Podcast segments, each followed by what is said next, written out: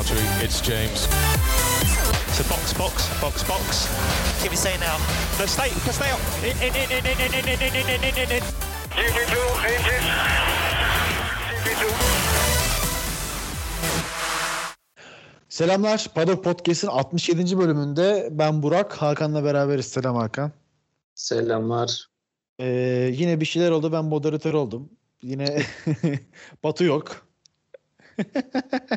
Batu şu an Edirne'de ev topluyorum bahanesiyle gitti arkadaşlarıyla takılıyor işte. Ben de aslında şehir dışındayım ama Burak kardeşim burada yalnız bırakmayayım diye telefondan da olsa. Ben ne podcastler yaptım ev taşırken. Bak ev taşıyordum. Başka dur. Şey, kedim doğum yapıyordu. Ben podcast yaptım. Başka şu an arıyorum bir şeyler.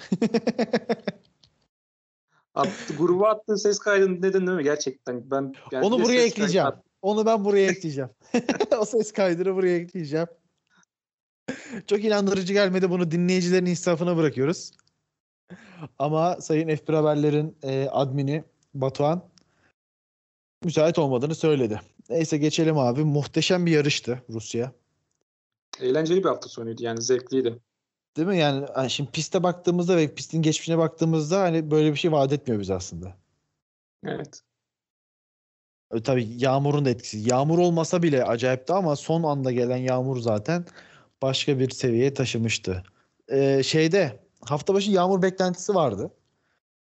Ee, değil mi? Bütün- çok vardı. Hatta bir ara e, hafta sonundan önce bir pisti sanırım su bastı yanlış hatırlamıyorsam. Perşembe günüydü hatırlıyorum ben. Perşembe günü baya gerçekten sel oldu. Yani bir e, neredeyse insan boyutuna işte gelebilen şey, e, şey e, su bastığını söylediler. Heyecanlandık tabii. Bu su, bu yağmur da şöyle yani pistin üzerindeki kauçuk tabakayla zaten alıp götürdüğü için e, yol tutuşu zaten çok az oluyor. Bir de Soçi'de çok fazla böyle organizasyon yapılan bir pist değil yani. Formula 1'den başka öyle fazla bir organizasyon yok. Zaten pistte Evet, kauçuk çok az. Zaten Evet bu işte. hatta yağmurdan dolayı bu F, e, F2 F3 falan da iptal oldu. Ne olacak belirsizdi yani en son. Ne oldu bilmiyorum ama orada belirsizlik vardı hatta. Dediğim gibi başka bir etkinlikte yapılmıyor gerçekten orada. Ee, şimdi şey ama uzun vadeli hafta sonu için tahminlere bakıldığında cumartesi günü yağmur yağacağı, cuma ve pazarın kuru olacağı söyleniyordu. Ee, yani cumartesi sıralama tehlikedeydi. Hatta cumartesi 3. antrenmanlar iptal edildi. Hatırlıyorsunuz. Evet. Sen de hatırlıyorsun abi. Sonra hani şey muhabbet oldu işte bu e, 2019 Japonya'daki gibi sıralamalar pazar sabahı yapılabilir mi falan filan oldu ama sonra e, cumartesi günü saat e, 3'teydi galiba değil mi? 3'te bir açtık televizyonu. Günlük güneşlik Rusya. inanılmaz bir güzel bir hava var. Zemin ıslaktı ama yağmur kesilmediği için bir sıkıntı olmadı. Aynen galiba yarım saat önce kesilmiş zaten. E, tabii ona rağmen dediğim gibi Q1 Q2 ıslak zeminde koşuldu. Ee, ya Q1 ve Q2 yani sonuçlarına bakacak olursak Mercedes çok öndeydi. Zaten Cuma günü de aynı şekilde. Hani e, Verstappen'in ben bir buçuk saniye yakın fark ettiğini hatırlıyorum. Tabii ki yine antrenmanlarda olan turlar e, e, bir şey olur mu? Bir, bir, bir skala teşkil eder mi? Emin değiliz bunlar ama çok hızlıydı Mercedes. Evet. Ben bir Bottas galibiyeti bekliyordum. Bir Bottas şeyi böyle e, Cuma günü alıp Cumartesi alıp Pazarı da bağlayıp. Biliyorsun Bottas Rusya'yı sever. Evet. Zaten e, Red Bull da bu yüzden burada bir motor değişikliğine gitmeyi tercih etti. O hakkını burada kullanmıştı. Zaten yani motor değiştirmesek bile her türlü e, Mercedes'lerin kazanacağını düşünüyorlardı. Tabii yani şey en e, en ihtimalle üçüncü olacağız ve hani 3 sırada alınca altıncılığa gerileyeceğiz diyordu. Neden altıncılıktan başlayacakken son sıradan başlamayalım ki demek bence de çok mantıklı bir seçenekti. Çünkü hani özellikle Bottas'ın da hem işte geçen hafta hem İtalya'da hem burada motor yenilemesini birazdan konuşacağız. Hamilton'ın motor yenileyeceği bir aralık kalmıyor gibi bir şey oldu şu an neredeyse. Bayağı o konuda avantajlı oldu Verstappen. Evet. Sıralamalarda sanırım yani Q3'te bir konuşacak şeylerimiz var. Q3'ün ilk haklarında turlar atıldı yine yeşil lastiklerle. İkinci haklarda e, işte Hamilton pit girişine bir ön kanadını kırıyor. Daha sonra hayır. 80 saniyelik bir pit. Ondan önce şey Russell ilk bu şeyi atan zarı atan Russell. İlk silik lastik takıp eee, işte e, kurul eee, e, soft lastikle tur atmak için Bu zarı atan ilk Russell oldu abi. Russell giriyor. Hemen arkasından işte herkes gelmeye başladı. Ee, orada dediğin gibi Hamilton'la Bottas'ın sıkıntısı şeydeydi. Hamilton'la Bottas tura başladıktan hemen sonra Russell bunu deniyor ve diğerleri geliyor. Yani bir neredeyse bir tur sonra geldiler. Hamilton orada biraz acele de etmiş olabilir gerçekten. Hani acele etmese bile bir de o pit, pit giriş çok ıslaktı abi. Gördün yani Bir bayağı. dar bir pit giriş yani normalde pistlerde o kadar dar bir pit girişi Şey yok. hatırlıyor musun? Yarışta birçok kişi pite gelirken ben eyvah dedim biri duvara çarpacak. Özellikle şey e, McLaren'ler falan gelirken çok sıkıntı. Ben böyle hani e, e, Ricardo'nun sıyırdığını gördüm bir kere. Gerçekten çok Evet. dar. Tasarımı kötü. Belki seneye değiştirirler yani bu sene olanları gördükten sonra. Bilmiyorum. Bakalım. Zaten e, iki sene sonra şey e, Sochi'den gidiyor. Ben sanmıyorum bir değişik yapacaklar bir sene için ama. İşte abi neyse Hamilton dediğin gibi ön kanatı kırıyor. Ee, pite geliyor ve Hamilton'ın geciktirmesinden dolayı Bottas da ge- geç pit yapıyor. Hatta Hamilton'ı ileri alıyorlar. Bottas'ı takıyorlar falan. Hamilton tekrar geri geliyor. Ee, şimdi hem hava soğuk hani zaten az önce soft lastiğe geçenler de hem pisti biraz e, anlamak için hani çünkü neresi kuru neresi ıslak ve hani nerede e, nasıl sürüleceğini anlamak için birden fazla tur atmak gerekiyor belki. Hem de soğuk havada lastikleri ısıtmak için bir tane ısıtma turu. Yani bir piste çıkış, bir ısıtma, bir de hızlı tur olarak 3 tur atmaları gerekiyordu. Diğerleri bunu atabildi ama Mercedesler zaten biliyorsun lastik ısıtma, e, ısıtma sıkıntıları da var. Ona ek olarak bir de ısıtma turu da atamadılar ve tek bir hızlı tur atmak zorunda kaldılar direkt. Ve Mercedesler turunu geliştiremedi. Turunu geliştiremeyen tek pilotlar oldu hatta Mercedesler galiba değil mi? Evet, evet. Yani normalde mesela sıralama seansında mesela kuru bir pistte ne yapılır? Ee, Q3'te mesela araca iki turluk yakıt konur öyle gönderilir ama mesela yağmurlu olduğu yağmurlu olan seanslarda araca böyle 2-3 3-4 turluk yakıt koyarlar ve araçlar devamlı tur atar. Yani hep böyle normalde Q3'te iki deneme görürüz. Ama işte yağmurlu seanslarda bu daha fazla oluyor ki e, aracı lastikleri ısıtmak çok zor. İşte Mercedes de bunu yapamadığı için geliştiremedi. Hatta senin dediğini yükselteyim. Yağmurlu değil hani şey yağmur geçmiş ama ıslak olan pistte bu özellikle yapılır. Çünkü hani Evet. zaten sağanak olarak yağmurun yağdığı bir anda zaten hani e, yağmur yağıyordur ve yani e, şey bir fırsat e, bir fırsat yakalama imkanı olmaz ama pist giderek her tur daha fazla kururken bir tur bile az atıp bir fırsat kaçırmak istemezler. O yüzden dediğin gibi dolu yollarlar yani. Neyse bir şeyler oldu. Ee, Norris pole geldi ben de anlamadım ama şeyde hatırlıyor musun bu ilk e, ısınma turlarında çok yavaşlardı. Ben o ısınma turları hızlı tur sanıyordum. Önce tamam mı? Ee, yani bir piste çıkış turu bir de ısınma turu atlar ya ısınma turlarında hepsi çok yavaş. Hep sarı derecelerle geldiler. Ben eyvah dedim herhalde yani pist ıslak kimse geliştiremeyecek. Sonra e, ön işte Norris, Sainz, Russell tak, tek tek tur atıp onlar sürekli işte Hamilton'ı geçtikçe evin içinde bağırmaya başlamışım. Ben. Aslanlarım hadi koçlarım falan diye böyle bağırarak destekledim ve Norris pole geldi. Evet abi Sainz yanında. Evet Russell da 3. sıradaydı. Hamilton 4 oldu. Bottas da galiba 7 olmuş diye hatırlıyorum. Aynen öyle. Russell bu sezon ikinci kez Hamilton'ı geçiyor bu arada. Evet ya inanılmaz bir şey ya. Ya keşke yarışta da biraz daha oralarda kalabilseydi onu birazdan konuşacağız ama. Ee, Mercedes bak bence şimdi Mercedes'in bu Bottas'ın motor değişim olayını konuşacağız ama ben bu olayın biraz kötülük olduğunu düşünüyorum. Kötü insanlık yani. Hani gerçekten ancak kötü bir insan Bottas'ı geriye alıp da Verstappen'in önüne koymayı akıl edebilir. Ben hiç akıl edemedim abi. Yani aklım böyle bir şey almazdı benim mesela. Abi şimdi şöyle bak. Bottas'ın motoru ne zaman değişti? Monza'da değişti değil mi? Bir önceki Daha yarış yeni. değişti. Bir önceki bir önceki yarış değişiyor. Tabii.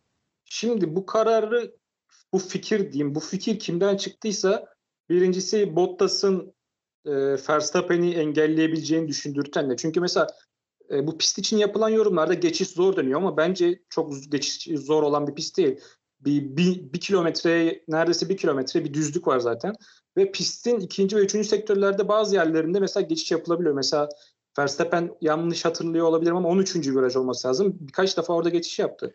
Evet Ya- hem 13 hem de galiba 5. viraj. Bu şey oval dönülüyor ve ondan sonra işte orada şey yol tutuşu sağlayan doğru yerde kalan o ovalin işte sonundaki ufak düzlükte işte geçişini tamamlayabiliyor. Hem 5 hem 13. Yanlış hatırlamıyorsam. Aynen öyle. Bayağı Yani- geçiş yapıldı oralarda.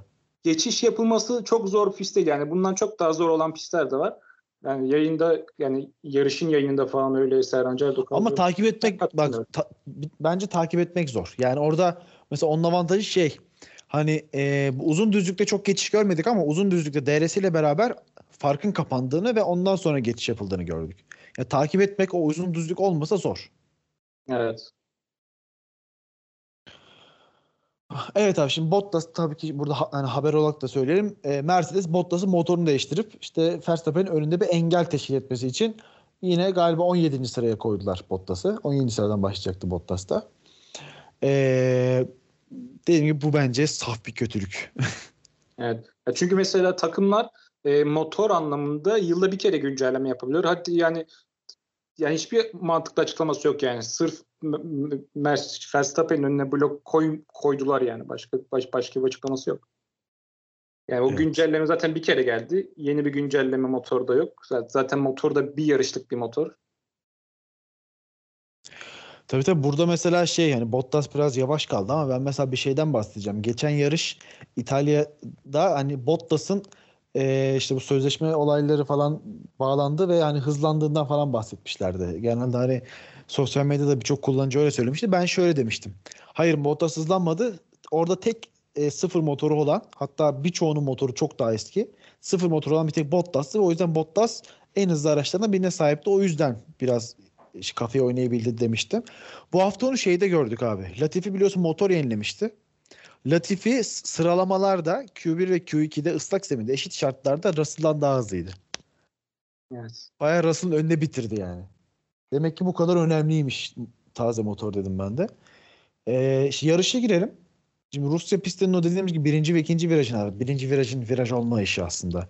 İşte nedeniyle uzun bir düzlükle arka sırada kalkanların yani özellikle ikinci sırada kalkanların hava koridoruyla büyük bir avantajı oluyor. Bunu yıllardır işte bu Leclerc e, Fetel problemi oldu. Leclerc birden başladı. Fetel hava koridoru alıp onu geçti. Olaylar, kavgalar, dövüşler bir şeyler yaşadık. Hep gördük ve biliyoruz. Hani o yüzden Hamilton iyi kalkası li- lider olabilir deniyordu. Yani Pol'ün avantajlı olmadığı belki tek pist olabilir yani. Belçika bile bu kadar değil. Yani ilk virajda zaten bunun içeri soktu mu direkt geçiyorsun. Tabii zaten sonrasında e, oruçta falan geçiş çok yapılmıyor. Dediğin gibi çok şey değil ya. Burada gerçekten Paul yani ben e, sanırım bir Bottas dedi. Bottas'ın tüm galibiyetlerinde de Bottas geriden başlamıştı. E, evet şu an hani ben hatırladığım kadarıyla mutlaka vardır belki ama ben hani Pol'den başlayıp Rusya'yı kazanan hatırlamıyorum varsa da. Hep e, şey oldu yani. Öncesine başlayanlar bir şekilde bir şeyler oldu ve En gerek kötü ihtimalle ilk turu lider bitiremediler yani Pol'den. Hah, aynen öyle, aynen öyle. Hep, hep, hep geçildiler, hep geçildiler, hep geçildiler. Burada da aynısı oldu abi. Norris e, aslında kötü kalkan Sainz'a yerini verdi diyebiliriz. Yani yerini verdi derken yerini kaybetti diyebiliriz. E, Sainz bayağı kötü kalktı. Hatta şey e, kimdi abi onu geçen? Ricardo mu geçmişti? Tam hatırlamıyorum şu an. Pardon Russell. Russell geçmişti. galiba. Evet evet e, Russell geçmişti Sainz'i. Ee, sonra fakat Sainz Norris'in arkasına tam oturdu. Hava koridorunu tamamen aldı. Bir de yandan Hamilton bayağı iyi geliyordu. En sağ dipten. Russell Hamilton'ın önünü kapatmak için muhtemelen biraz sağ kırınca Sainz'in önü açıldı ve Sainz o aldığı hava koridorundaki hızla birlikte Norris'i çok rahat geçti. Russell'a yeni Russell- korudu bu arada. Üçüncü oldu. Üçüncülüğü korudu. Startın ilk saniyelerinde gördüğüm benim şeydi mesela. Norris çok iyi kalktı. Ee, Russell'la Sainz de böyle birbirleriyle uğraşırken ben dedim ki hadi ilk virajı Norris lider dönecek. Yani bu hava koridorunu da artık kazanamazlar. Yani Norris ilk turu lider geçer vesaire öyle düşünmüştüm. Yani aklıma öyle geçmişti ama yine de öyle olmadı. Sainz bir hava koridoru aldı ve geçti yani. Yo, hava koridorundan da önce bak orada şey yani şu an dinleyicilerimiz de tekrar izleyebilirler. Ee, Formula 1'in YouTube sayfasında da vardır. Ee, şeyde ee, eğer Hamilton en sağdan hızlı bir şekilde yalnız başına geliyor olmasaydı Sainz'in önü kapalıydı. Yani önünde Norris ve solunda şey vardı. Ee, Russell vardı. Sağ içten de o kadar giremezdi. Çünkü sağ içten daha hızlı girerse lider dönme ihtimalin yok. İşte ya girersin ya işte dışarı çıkarsın. O yüzden orada kalacaktı Sainz. Ama dediğim gibi Hamilton sağdan gelip Norris Hamilton'ın önünü kapatınca Sainz'a resmen birincilik hediye edildi gibi oldu aslında. Evet. Evet abi benim en sevdiğim an yani bu yarışta en mutlu olduğum anlardan biri yaşandı. 7. turda Verstappen Bottas'ı geçiyor. Hiç zorlanmadan. bu Mercedes yani yıllarca tek mücadele ettiği Ferrari'ydi ya abi. Ve hani onu da çok ufak akıllı oyunlarıyla çok rahat mağlup edebiliyordu ya. Evet. Gerçekten karşısında böyle biraz akıllı mantıklı hani biraz düzgün bir e, e, e, e, rakip gelince taktikleri de tutmuyor. Abi Bayağı tutmadı yani. Bu konuda daha iyi bir yorum sanırım yok ya. Tutmadı. Bayağı tutmadı. 2018'de ya 2018'de mesela Ferrari'nin arabası daha iyiydi. 2019'da da 2019 muydu? Yani 2018 kesin değil mi? 2018'de daha iyi arabası vardı ama 19'da da Ferrari- bence. Evet, 19'da da, öyleydi. 19'da da kıyasıyaydı. Yarışırlardı. Yani pit, Ferrari pit duvarı o kadar kötü taktikler üretiyordu ki yani o yüzden Mercedes çok böyle şey gelmiyordu. Yani şampiyonluğa fark açıyordu. Şampiyon oluyordu.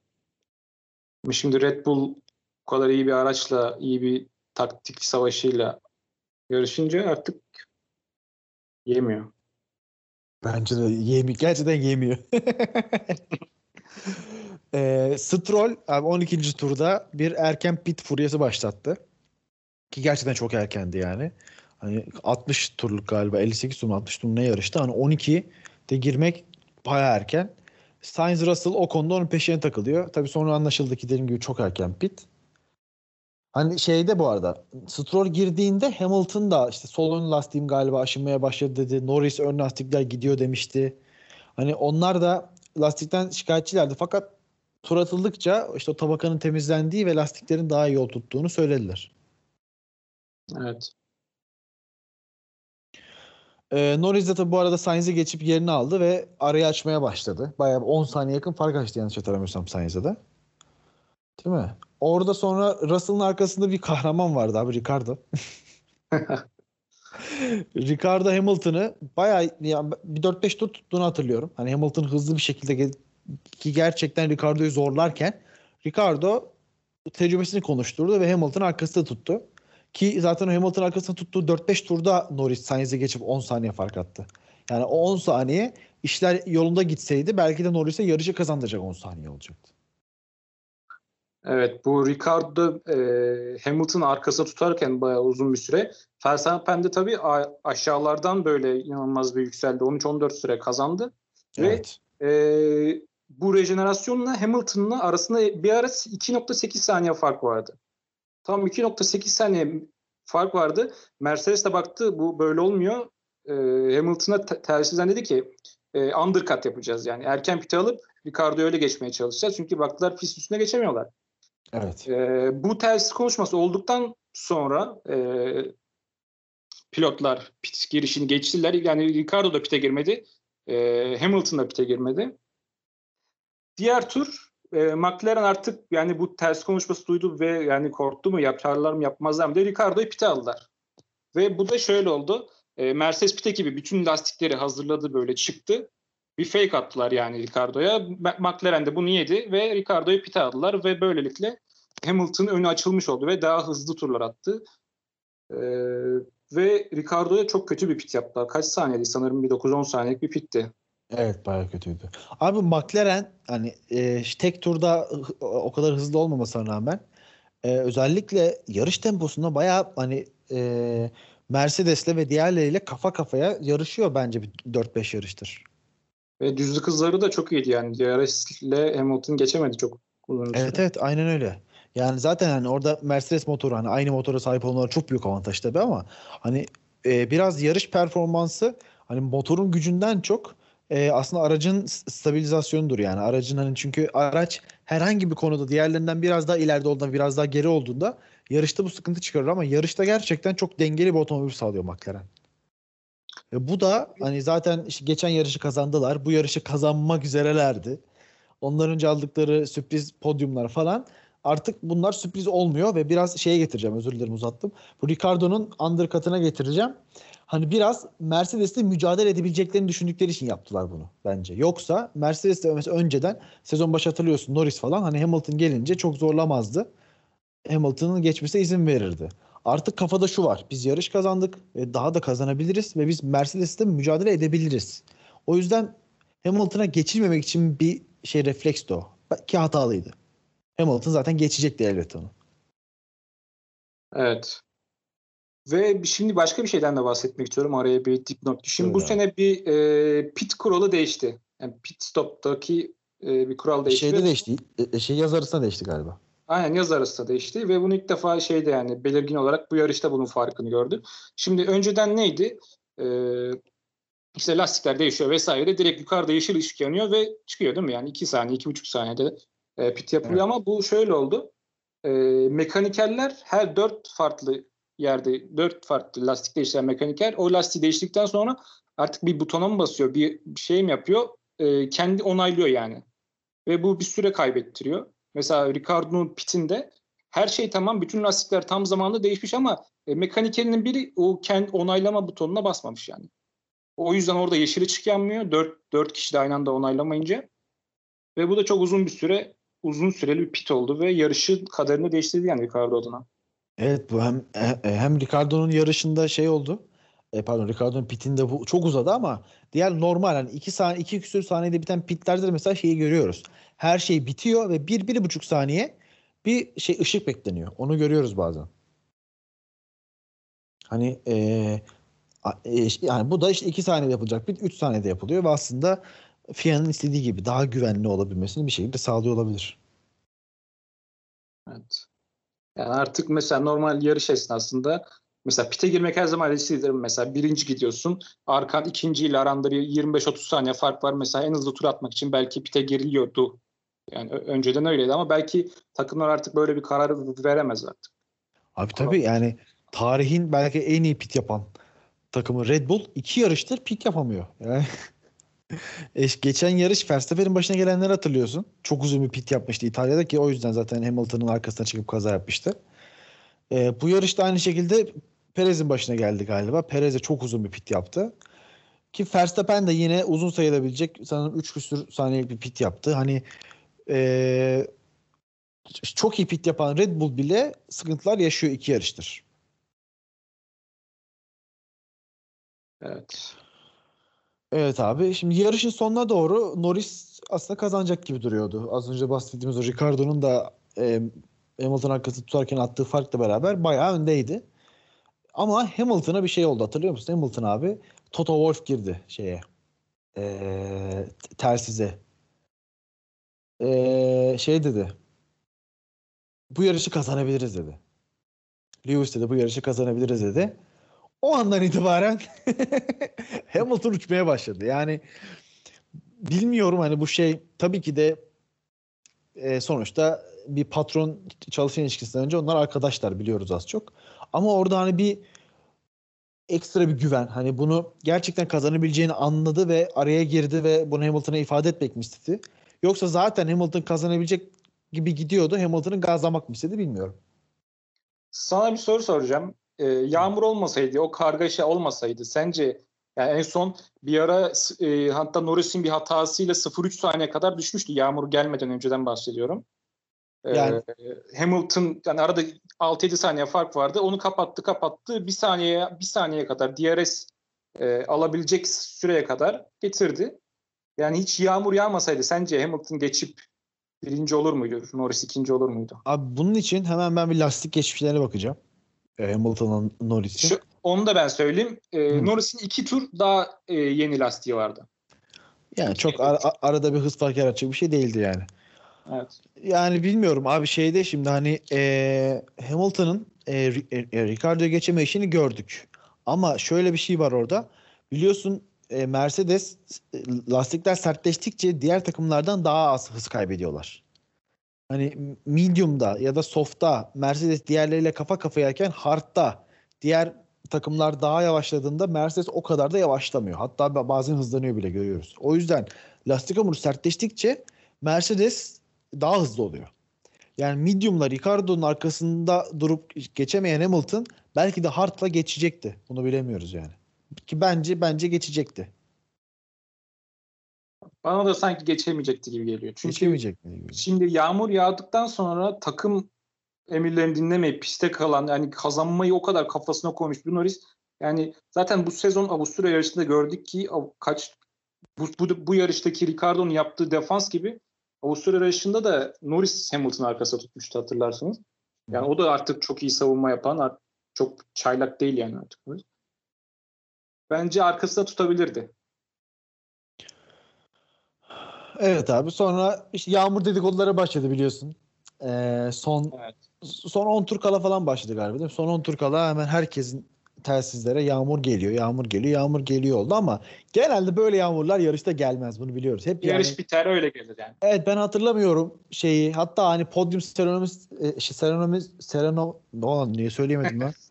Podyum seremonisi, he, podyum podyum seremonisi de biter. Ee, bir daha demeyeceğim artık bu kelimeyi.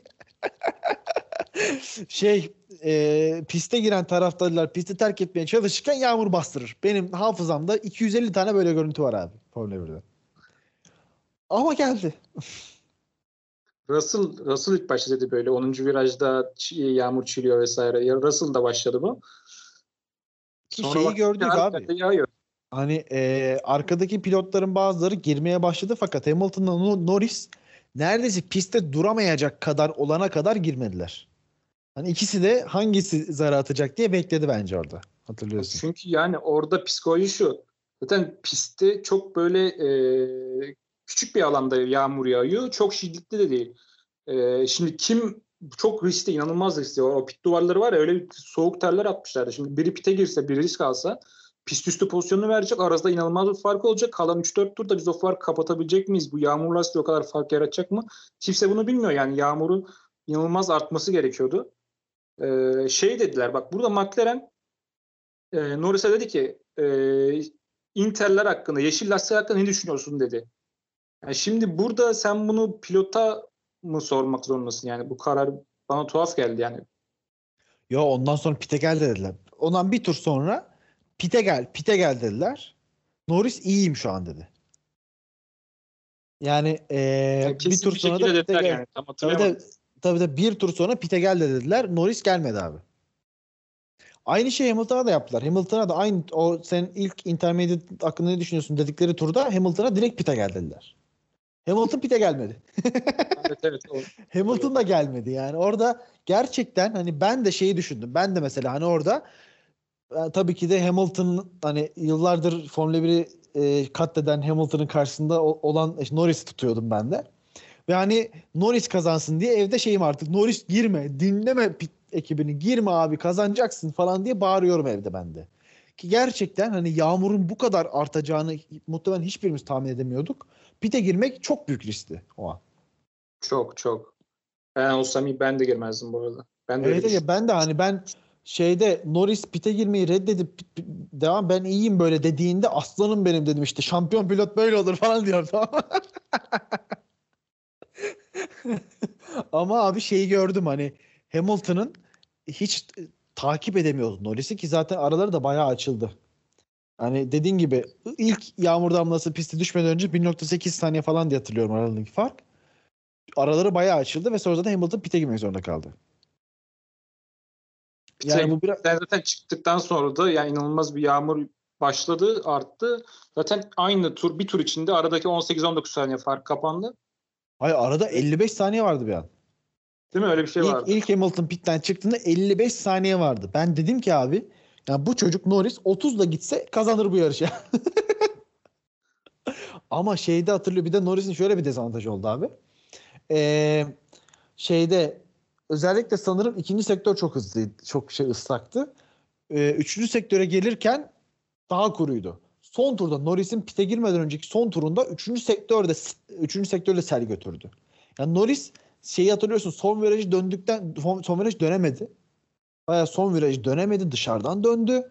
Ve hani yeni tura başlarken pite girme kararı aldı. Halbuki bir önceki virajda aynı şeyi yaşasa belki işte, işte dışarı taşsa ve dönemese belki direkt şeye bağlanacaktı. Ee, pite girebilecekti. Ama son virajda olduğu için pite giremedi ve bir tur yavaş bir şekilde öyle gitmek zorunda kaldı.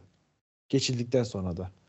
Ee, ve Norris pite girerkenki olayı da hatırlıyor musun? Böyle pit yoluna Ha, evet. gidiyor ve e, dönemiyor. Yani o da biraz bölümün başında konuştuğumuz o pit girişi çok dar ve 90 bilin 90 derece sağa dönüyorsunuz.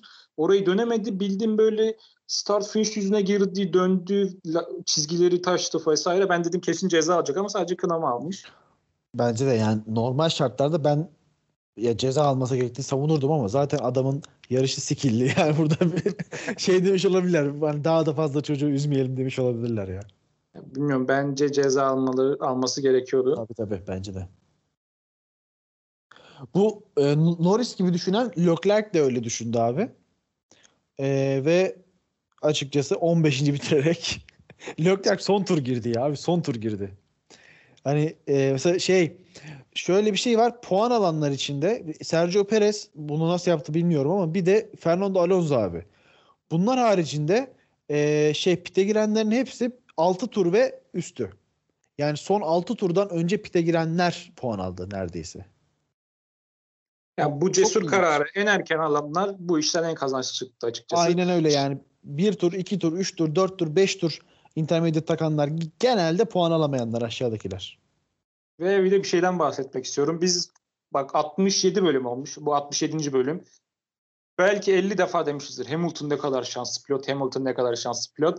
Ama bu hafta sonu Verstappen'in şansı o kadar yanındaydı ki yani Gerçekten bildiğin. Verstappen bu 7. yedincilik 7.ydi en son. Ee, yani imkansızdı yani. Daha üste çıkamayacaktı. Ve ikinci bitirdi. Yani bence yarış kazanmış kadar sevinmişlerdir. Evet evet bir de yani işin ilginç kısmı abi. Hani e, şey şöyle mesela e, Ricardo'nun arkasındaydı değil mi Verstappen? Evet. Mesela Ricardo Verstappen'den 3 turda önce pite girmiş. Yani Verstappen 3 tur medium'la e, Ricardo'ya geçmiş gibi bir şey oldu. Bu bence çok ilginç bir şey. Ya orayı tekrar izlemek istiyorum. Bir zamanım olursa izleyeceğim tekrar zaten de. Hani gerçekten o son iki turda hani Verstappen'in Verstappen de pite geç girenlerden biri bu arada. 5 tur kala pite giriyor Verstappen. Yani onun arkasında ondan daha önce pite girip hani daha önce intermediate takıp daha önce e, şey yapanlar var. Verstappen son 5 tur kala girmesine rağmen ikinci oldu. Bu bence inanılmaz bir şey. Bir de Carlos Sainz var. Carlos Sainz de bayağı şeydi hatırlıyorsun. Ee, bayağı geri düşmüştü. Neredeyse bir dakika yakın fark yiyecekti öndekilerden. Ee, şey Intermediate'de en erken geçenlerden biri oldu ve bu da ona aslında kazançlı geldi bence. Evet. 11 tur kala şey Intermediate takmış abi. Ferrari'nin yani Sainz'in daha doğrusu lastikleri çok erken bitti. Pis, pis, pite erken girdi öndekilere nazaran. Ee, hatta tersiz konuşmasına da du- duyduk. Ee, beşinci olmayı planlıyoruz dediler Sainz'a. Bu Evet, da hatta ne beşincilik mi vesaire öyle bir tepki verdi. Sainz'in berbat e, stratejisini kurtardı yağmur aslında. Bu arada Sainz'ın geçen sene yaptığı saçma sapan hareketten sonra bu seneki podyumu artık yiyor geldi onun için. Aynen öyle Geçen sene hatırlıyorsan şimdi startta e, ilk virajı dönüyorsunuz. İlk virajı alamayanlar, dışarı taşanlar e, orada e, strafor mu değil bir maddeden öyle kukalar var. Kukalardan sol sağ yapmaları gerekiyor. Sainz bildiğin bariyeri zonk diye girdi sanki öndeki bariyeri görmüyormuş, yol varmış gibi. Bu çok komikti. Geçen sezon se, sezonki bölümde bunu konuşurken bize çok gülmüştük. Abi bir de mesela bazı pist mesela İtalya'da o birinci virajdan sonraki şey e, işte o bariyerleri hatırlıyorsun şey köpük bariyerleri. Onlar çok dayanıksız bariyerler. Yani üstüne arabayla geçtiğinde geçebiliyorsun. Arabada bir zarar görmüyor genelde. Ama Evet. Rusya'dakiler gerçekten orada e, işte yarıştan önce sen bahsedince izledik. Baya hani araç oraya çarpınca şey, yarış dışı kalacak kadar hasar alıyor. Evet. Bayağı sıkıntılıydı ya. Bu yıl öyle bir sıkıntı olmadı Allah'tan. Oraya herkes dönebildi bir şekilde. Evet abi F1 Fantezi'ye bakalım. Bakalım. Ee, çok istemeden bakıyorum ama bakalım me- mecburen bakacağız. Ee, buradan seni kutlamak istiyorum Hakan. Bu arada bu hafta herkes çok kötü puanlar almış. Ee, yani ben geçen haftalarda 200 küsürlü üç- hatta 300'e yakın puanlarla böyle ilk 10 ilk 20'yi görüyordum abi. Birincimiz 180 puan almış. Ancak 180 puan alabilmiş diyeyim. Ya bu düşük bir puan normalde. Hani onun dışında Hakan Bilgin'in namı değer şu an yanımızdaki yorumcumuzun. Şu anda senden nefret ediyorum Hakan. Muhteşem takımı. Say abi Sainz'e turbo drive vermişsin ya. Olacak işte. Abi sen ya bu takımda Sunoda var Sunoda. Bak Abi sıfır şaka. Ben bakamadım bu arada. sen Yani olmasan sen olmasan bu podcast'te Sunoda ismini geçirmeyecektik. Sunoda var ve eksi 2 almışsın. Ona rağmen 5. sıradasın abi. İnanılmaz. Birincimizi söyleyeyim. Furkan Norris official. Ricardo Norris, Sainz, Raikkonen, Verstappen, McLaren abi inanılmaz takım yapmış. Adam adam var ya. yani şey muhtemelen. Furkan Norris'e bakmadım ama önceki yarışlarda çok daha kötü puanlar almıştır eminim. Çünkü yani Raikkonen var. Raikkonen de 20 puan almış. İmkansız bir şey bu. Hani hem Norris'in hem Ricardo'nun İtalya dışında bu kadar iyi puan aldığı başka bir yarış yok. Sainz'ın podyuma çıkışı da bir sürpriz sonuçta ve Verstappen'in sondan başlayıp buraya gelişi de çok büyük sürpriz. Adam hepsinden inanılmaz puanlar almış. Gerçekten muhteşem. Evet. Evet abi haftaya haftaya demeyelim. iki hafta sonra Türkiye Grand Prix'si var. Sonunda. Ee, vallahi gerçekten sonunda e, Türkiye'de geçen sene bir yarış yapmıştık tabii ama geçen sene hani biraz daha hani seyircisiz olmasının verdiği getirdiği bir şeyle hem de hani e, hayat olarak da belki bilmiyorum ben öyle hissediyorum belki dinleyenlerden de öyle hissedenler vardır. Hani böyle kısıtlamaların falan ortasında böyle biraz daha kötü bir havada falan olmuştu. Hani çok Türkiye Grand Prix'si gibi hissedememiştim ben mesela geçen seneyi. Bu sene biraz Türkiye Grand Prix'si gibi hissediyorum. Heyecanlanıyorum yani. Hava durumuna baktım güneşli gözüküyor e, yarış günü 10 Ekim'de. E, pist yönetimi de açıklama yapmış. Bir fan zone olacak, orada etkinlikler olacak, e, bazı pilotlar da katılacak. Yani çok güzel bir hafta sonu olacak gibi duruyor yani. Öyle gözüküyor şu an. Ya umarım. Ben ben mesela biletimi hemen ilk çıktığı gün almıştım abi ve hani şeyden çok korkuyordum. Hani gerçekten oraya gideceğim ve sıkılacağım. Ee, hani orada yarış dışında başka bir etkinlik olmayacak diye çok korkuyordum. Ama e, hani en azından şöyle hani tabii ki de bir özellikle bizim gibi çok fazla ülkesine Formula 1 gelmeyen ve işte e, dolar euro kurlarından dolayı da çok fazla işte dışarı çıkma ihtimali hani belki ömrümde ömrümüzde bir kere iki kere olabilecek insanlar için hani Türkiye'de bir yarışa gitmek çok önemli bir şey ama sadece yarışın yanında hani belki orada herhangi bir pilotun önünden geçme ihtimali bile orada olmayı değerli kılıyor. Böyle anılar için Formula 1 seviliyor aslında. Yoksa Formula 1 yarışına gitmek bunu daha önce de konuşmuştuk. Eğlenceli bir şey değil.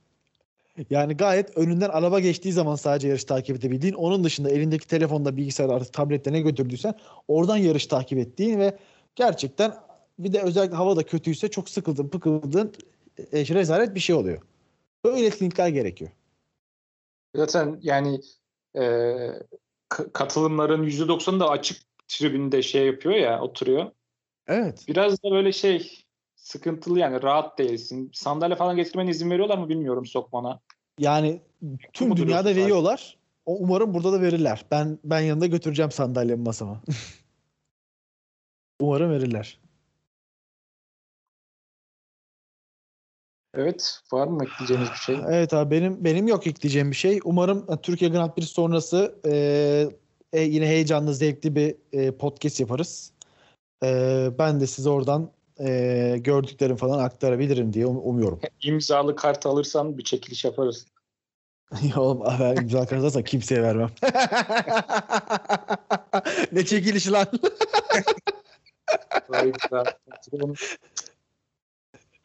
patron. Dedik bağrımıza bastık. Evet arkadaşlar görüyorsunuz. Ee, o zaman o zaman kapatalım abi. Ee, kendinize iyi bakın. Rusya Grand Prix'si harika bir Rusya Grand Prix'si sonrası en az geçen sene kadar harika bir Türkiye Grand Prix'si görmeyi e, umut ediyorum diyelim. Görüşürüz. Görüşmek üzere.